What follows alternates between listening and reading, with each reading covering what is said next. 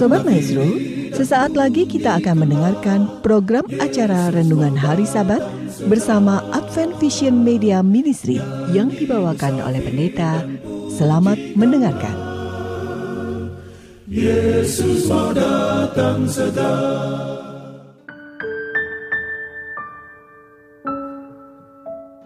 Saudara-saudaraku, Sobat Maestro yang kami sangat kasihi, kami ucapkan selamat pagi, shalom, dan selamat sabat. Pada pagi hari ini saya Pendeta Cucu Elia akan bersama-sama dengan saudara untuk merenungkan akan firman Tuhan yang saya beri judul Alfa dan Omega. Sebelumnya saudaraku mari kita akan berdoa. Bapa yang bertahta dalam kerajaan sorga, kami datang kepadamu, mohon berkat, mohon tuntunan Roh Kudus, agar ketika kami membaca dan merenungkan firman Tuhan, kami beroleh kekuatan, kami beroleh sukacita, dan kami boleh hidup di dalam jalan kebenaran. Terima kasih Bapa atas janji Roh Kudus yang memimpin kami. Dalam Yesus Kristus kami berdoa dan mengucap syukur. Amin. Saudara-saudaraku yang dikasih oleh Tuhan, kita bersyukur dalam masa pandemi ini kita masih diberi kekuatan, kita masih diberikan kesehatan dan rezeki yang mencukupkan kita. Sebagaimana kita sudah mulai mempelajari dan mulai memahami akan pekabaran firman Tuhan dari kitab Daniel dan kita sudah mulai melanjutkan pada kitab Wahyu dan sahabat yang lalu kita sudah mempelajari sebahagian kecil merupakan pembukaan dari kitab Wahyu. Pada sabat pagi ini kita akan belajar kitab Wahyu pasal yang pertama yang saya beri judul Alfa dan Omega adalah sebuah penggambaran atau figur Yesus dalam kitab Wahyu pasal 1. Saudara-saudaraku yang dikasihi oleh Tuhan, Sang Pewahyu dan Yohanes Sang Penerima Wahyu Ya, ini adalah sebuah pertemuan yang indah yang digambarkan dalam Kitab Wahyu. Kitab ini memang begitu jelas dalam administrasinya, sebab dari awal ayat-ayat dalam Kitab Wahyu ini telah menunjukkan siapa sebenarnya pengirim pesan yang sesungguhnya, yakni Yesus, dan siapa yang menjadi pengantaranya atau penerima wahyunya, dan dialah Yohanes, yakni orang atau figur yang setia, yang dekat dengan Yesus, berjumpa langsung dengan Yesus, dan dapat dipercaya. Ya, pribadi Yohaneslah tentunya yang menjadi uh, kita terberkati melalui kitab Wahyu ini. Dia tahu sesungguhnya siapa yang sedang berbicara dengan dia dalam penglihatan tersebut. Ya. Tentunya kita bisa membayangkan kalau kita tidak mengenalnya, ya. Tiba-tiba ada orang atau figur yang datang, siapa dia ya?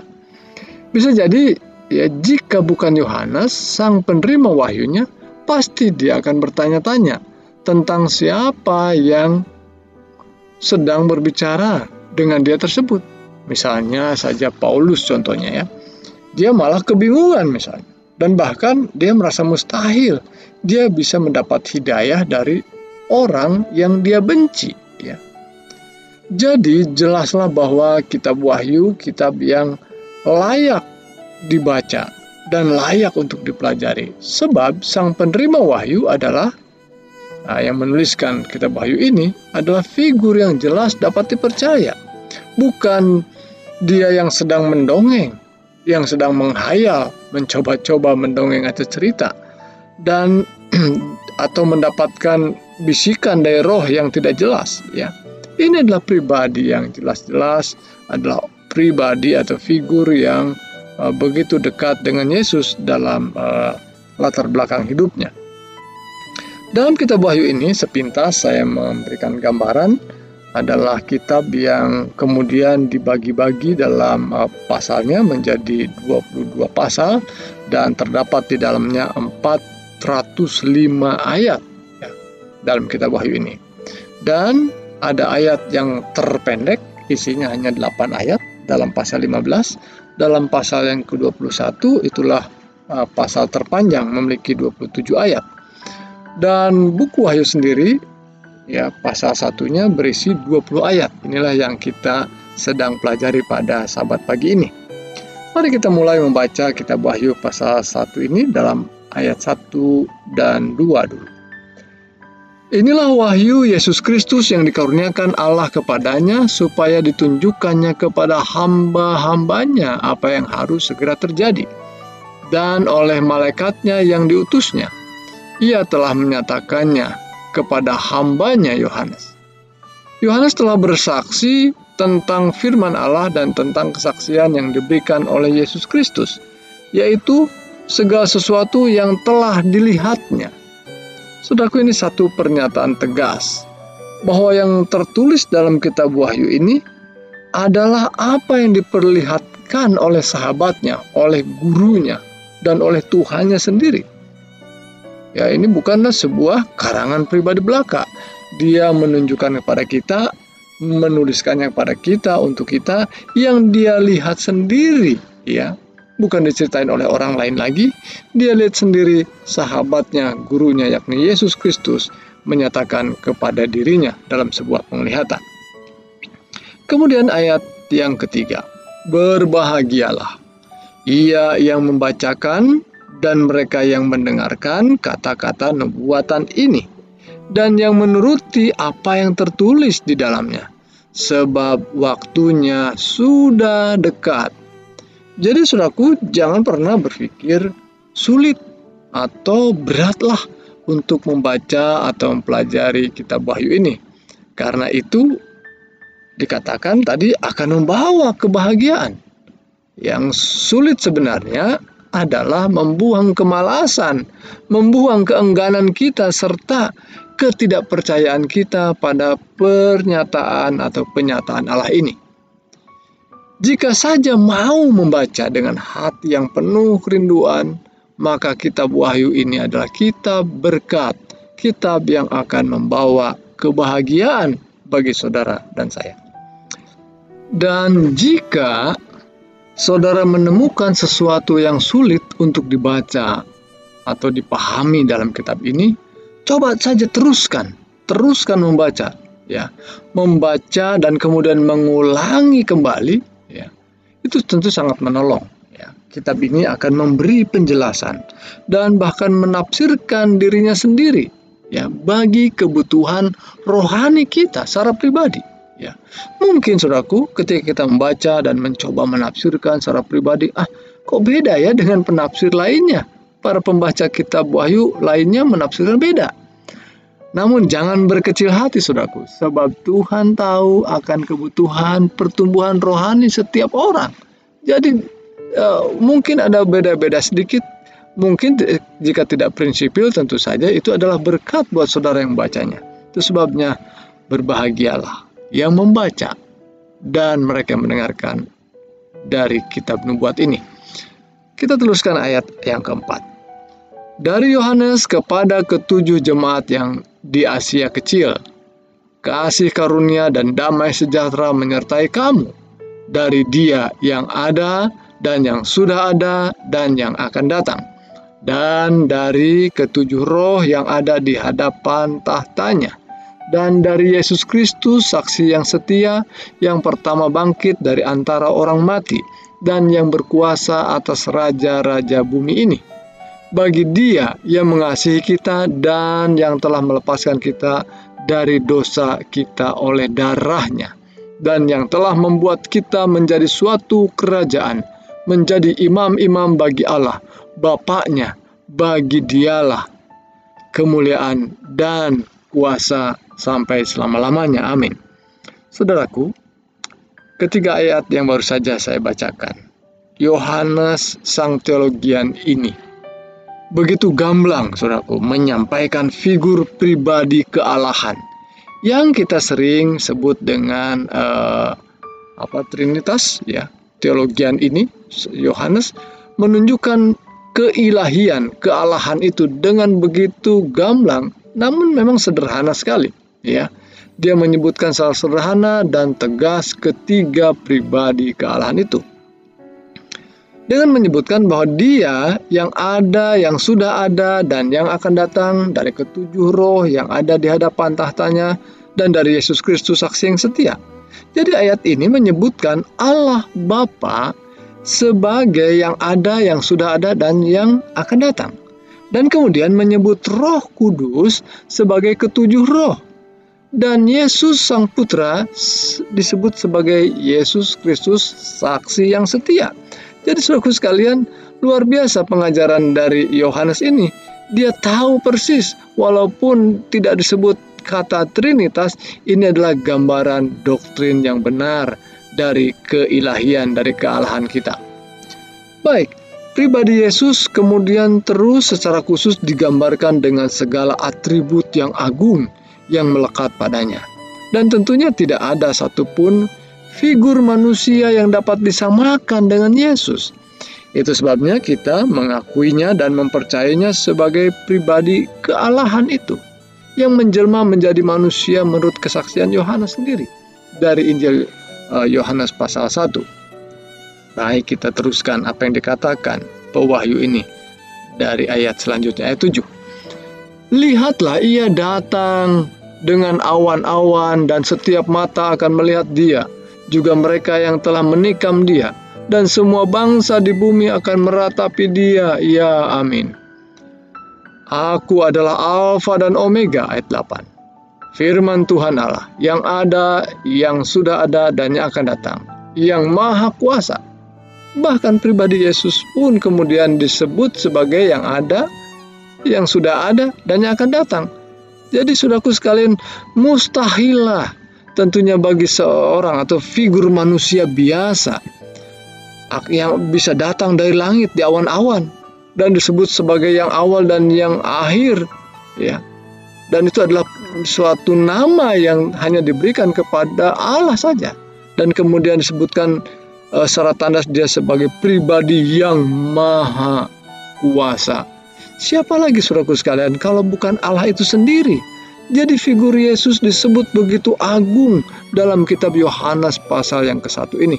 Jadi saudaraku sekalian, membaca kitab Yohanes begitu jelas, begitu uh, ditekankan, diyakinkan kepada Yesus Kristus siapa sesungguhnya dia. Karena uh, Yohanes uh, sendiri adalah pribadi yang mengenal Yesus dengan baik. Ayat yang ke-9.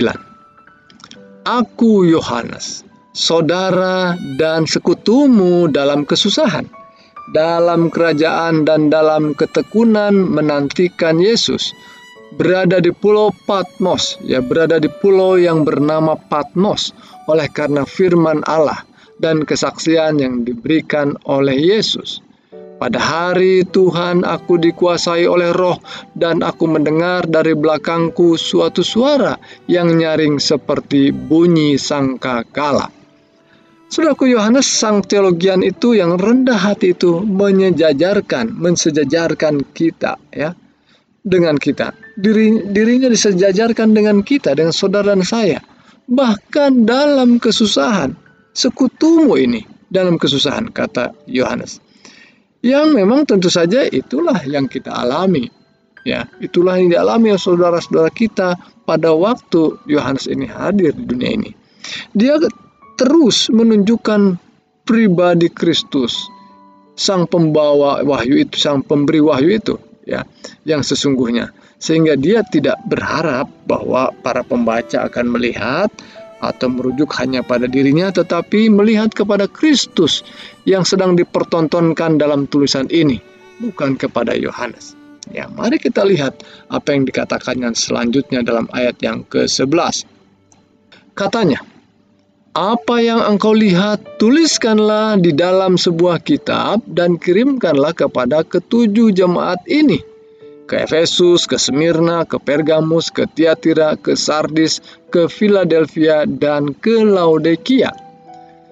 Saudaraku, jemaat yang dimaksudkan adalah nama-nama jemaat yang secara geografis memang ada, memang hadir pada waktu Tuhan menyatakan waktu ini kepada Yohanes dan mereka atau anggota-anggota jemaat di kota-kota yang dimaksudkan itu telah membacakannya dan mereka tersentuh dengan amaran, pujian, dan teguran yang disampaikan dalam surat tersebut.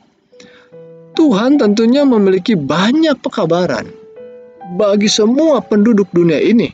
Namun, saudaraku sekalian, matanya tertuju pada umatnya, jemaatnya, di mana hati Tuhan begitu berat untuk terus mau menasehati dan memperhatikan keselamatan umatnya. Yaitu sebabnya adalah kebahagiaan kita. Dari tadi kita sebut ya. Kebahagiaan kita untuk membaca kitab Wahyu ini. Karena kepada saudaralah yang percaya kepada Yesus, ia terus menunjukkan perhatian dan kepeduliannya. Luar biasa saudaraku sekalian.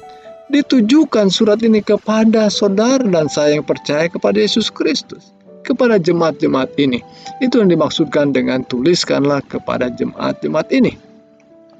Selain itu juga memang nama jemaat secara geografis ya memang pekabaran pada jemaat-jemaat ini juga memiliki makna kronologi secara uh, uh, waktu ya bahwa uh, sejak berdirinya jemaat yang dibangun para rasul hingga pada akhir zaman ya sampai pada kedatangan Tuhan jemaat Tuhan itu memiliki karakteristik dan kondisi iman seperti yang digambarkan oleh jemaat-jemaat tadi secara berurutan ya.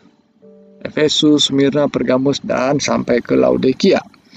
Dan kita yang hidup di akhir zaman dapat digambarkan seperti yang dinyatakan pada jemaat yang ketujuh atau yang terakhir. Namun demikian, saudaraku, setiap pekabaran kepada setiap jemaat tentu bermanfaat juga buat setiap pembaca di setiap zaman. Jadi saudaraku sekalian jangan berpikir oh karena kita zamannya zaman akhir zaman oh yang kita baca yang kita harus selidiki hanya pekabaran ke jemaat Laodikia saja. Tidak saudaraku sekalian. Setiap ayat firman Tuhan tentu akan menolong kita bertumbuh dalam iman.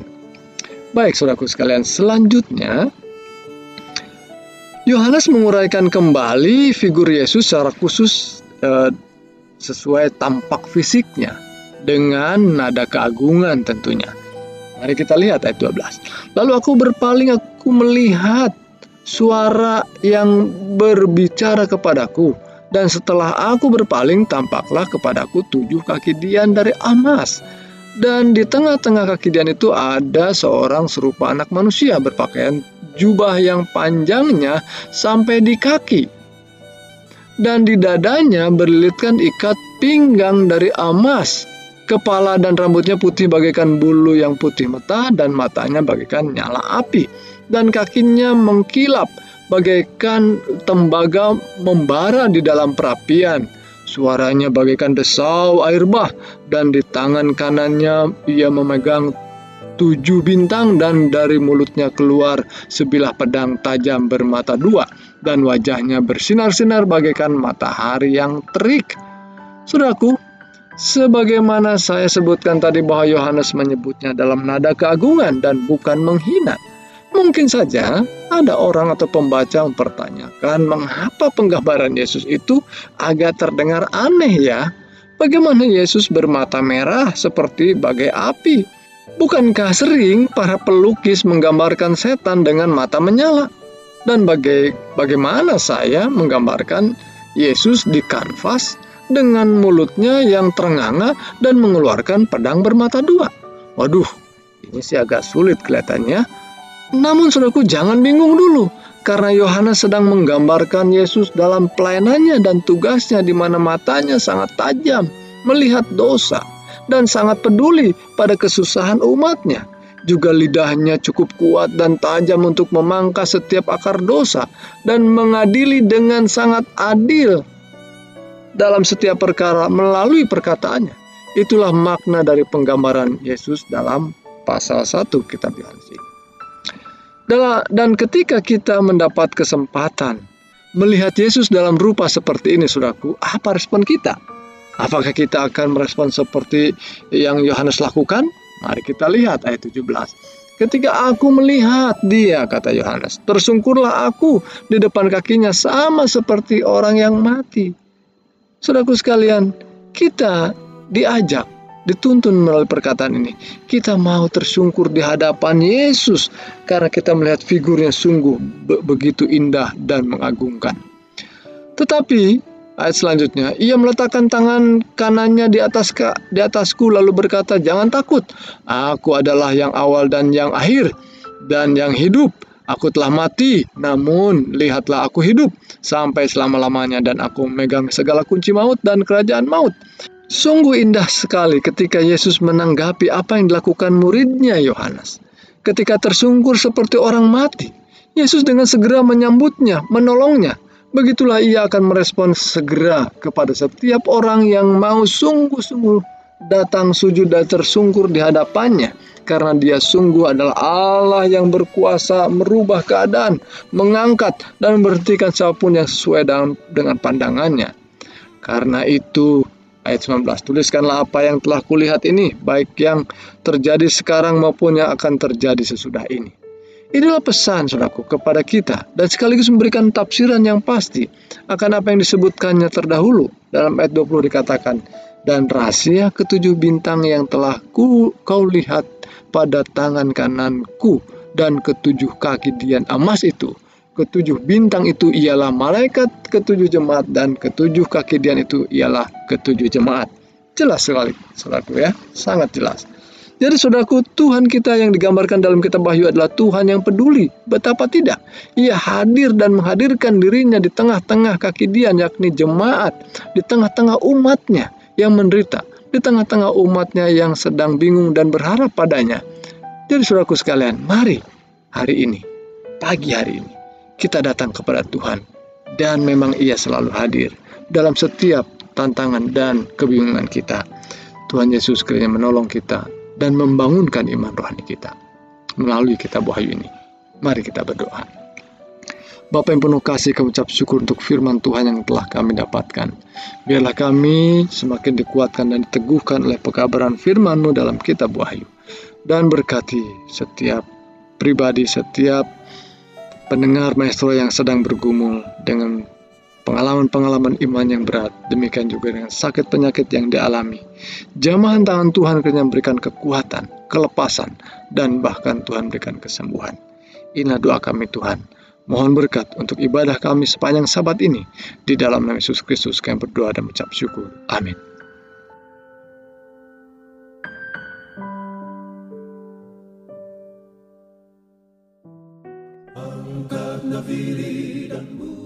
Sobat Maestro, Anda telah mendengarkan program acara Renungan Hari Sabat bersama Advent Vision Media Ministry. Untuk tanggapan pendengar, hubungi 087 888 777 689. Terima kasih atas kebersamaan Anda. Tuhan memberkati.